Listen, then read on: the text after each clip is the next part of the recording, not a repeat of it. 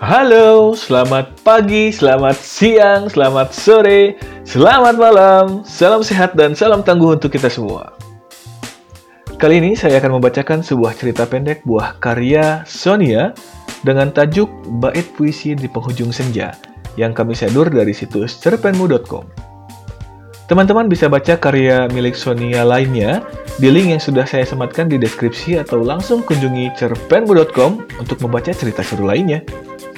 Are you ready? Selamat mendengarkan!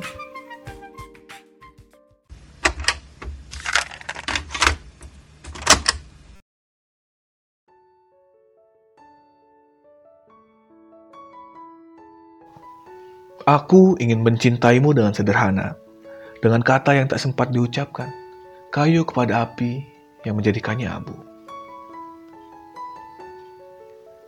Layaknya senja-senja sebelumnya, Tania dan Dani duduk santai di balkon depan kamar kos Zikri yang berada di lantai dua. Namun kali ini, ia tengah fokus membaca sebuah puisi. Ia terhenti di bait ketiga puisi karya Sapardi Djoko Damono tersebut. Gadis berkacamata itu memikirkan makna dari puisi yang tertulis di buku catatan Zikri. Namun, seperti biasa Tania tak pernah dapat mengerti makna puisi yang dibacanya. Zik, kata kayu kepada api di sini maksudnya apa ya? Bagus sih puisinya, tapi aku nggak ngerti. Teriak Tania dari arah balkon. Zikri yang dari tadi sibuk di depan laptop di dalam kamarnya berlari ke arah Tania. Wajah kesalnya terlihat jelas oleh Tania. Zikri dengan cepat merebut buku catatan yang berisi kumpulan puisi tersebut dari genggaman Tania. Tania sontak kaget dengan tindakan Zikri. Eh, biasa aja kali Zik ngambil bukunya. Aku cuma mau. Belum sempat Tania melanjutkan ucapannya, Zikri memotong kata-kata Tania. Lah, bukannya lu yang harusnya biasa aja? Gak usah baca buku punya orang lain, Detan. Emangnya nggak bisa ya minta izin dulu? Cowok yang hobi menulis ini membalas ucapan Tania dengan bentakan yang membuat mata Tania berkaca-kaca. Kamu kenapa jadi bentak aku sih? Itu bukunya aku nemu di atas meja kok. Lagian kamu kenapa sih sih? Orang lain. Kamu itu kan sahabat aku. Tania mencoba membenarkan dirinya. Haha, jangan kegeeran deh. Sahabat apa? Siapa yang mau sahabatan sama cewek malas yang bahkan ngertiin puisi aja nggak becus? Tania tertunduk. Air matanya mulai membasahi wajah manisnya. Kata-kata Zikri kini benar-benar melukainya. Tania perlahan menghapus air matanya. Ia mengambil tas dan jaketnya yang tergantung di pintu kamar kos Zikri. Ia berlari menuju gerbang kosan Zikri, pulang ke kosannya dengan penuh rasa kesal yang tak lagi tertahankan. Dani yang juga berada di balkon tersebut terdiam tak percaya bahwa Tania dan Zikri baru saja bertengkar. Beberapa menit setelah Tania pergi, Dani angkat bicara. Bro, lu kenapa ngomong kasar gitu sih? Tania pergi gitu, lu biarin aja nih. Gak dikejar. Lu harusnya minta maaf ke Tania, bro. Dengan cueknya dan tanpa menulis sedikit pun dari layar laptopnya, Zikri menjawab. Ngapain gue kejar? Drama banget. Jawaban Zikri benar-benar membuat Dani kesal. Dani tak menyangka Zikri tega membentak Tania seperti tadi. Mereka bertiga telah menjadi teman akrab sejak semester 1 kuliah. Zikri yang dikenalnya adalah cowok pendiam yang hebat berkata-kata dalam tulisan. Walaupun terkenal sebagai sosok yang cool, Zikri akan menjadi sangat menyenangkan dan lucu bila hangout bersama Tania dan Dani. Bahkan, Zikri sering kali menulis puisi dan memperlihatkannya pada Tania. Zikri kali ini benar-benar berbeda. Memang belakangan Zikri terkesan menghindari Tania.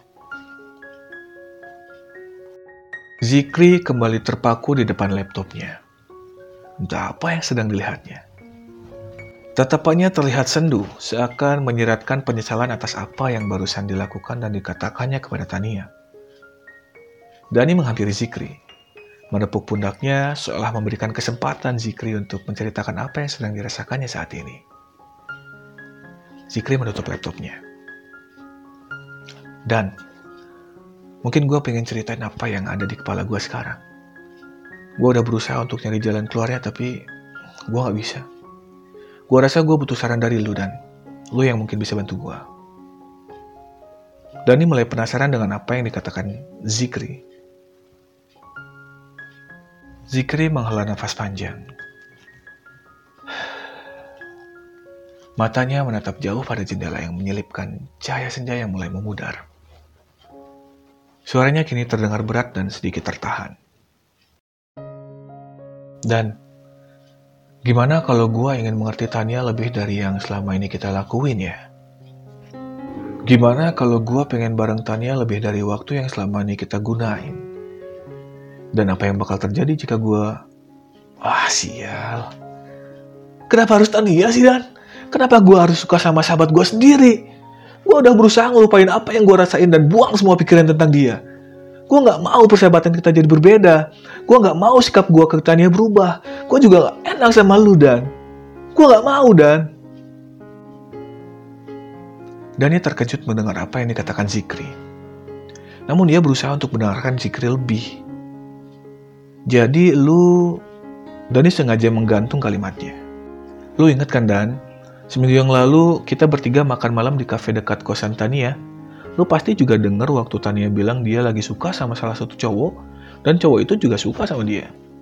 Sebagai sahabat yang baik dan peduli, gue berusaha ikut senang dengan kabar itu. Gue berusaha untuk memendam semua perasaan gue.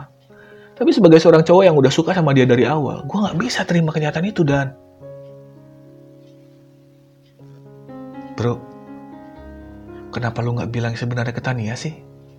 Bukan gini caranya dengan lu jahatin dia kayak barusan, gak ngebuktiin sama sekali kalau lu suka sama dia. Lu cinta sama dia kan? Semua yang lu rasain gak sepenuhnya salah lu, Zik. Rasa suka yang muncul ke Tania gue rasa hal yang wajar.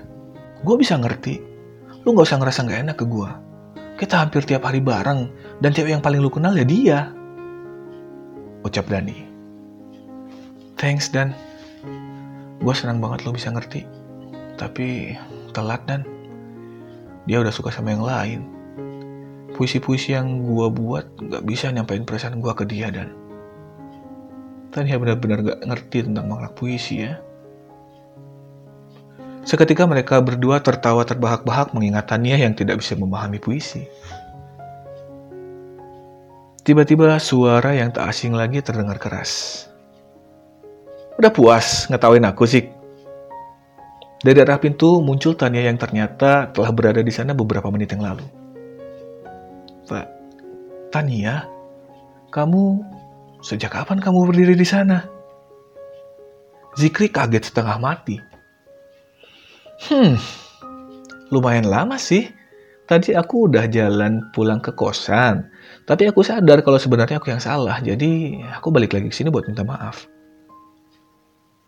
Jadi, kamu dengar semua. Zikri benar-benar gugup kali ini. Aku udah dengar semuanya, Zik. Aku juga mau jujur.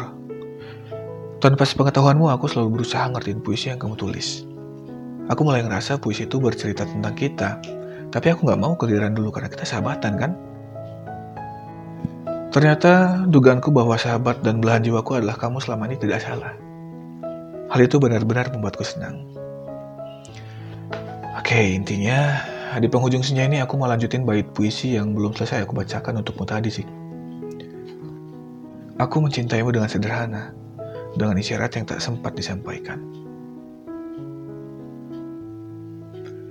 Zikri tak mampu berkata-kata lagi. Ia tak menyangka sahabatnya pun dapat mengerti dirinya, bahkan dikala cinta menghampiri.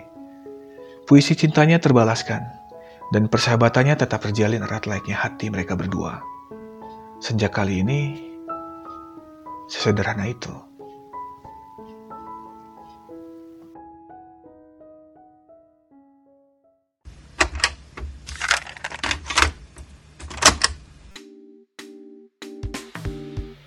Ternyata benar kata orang ya, jika antara pria dan wanita bersahabat, pasti ada cinta di antara keduanya. Oke, terima kasih sudah dengerin cerita ini sampai akhir. Kalau teman-teman punya rekomendasi cerita yang menarik buat dibacain, tolong tulis di kolom komentar ya. Jangan lupa share, like, dan komen. Subscribe-nya juga, oke? Okay?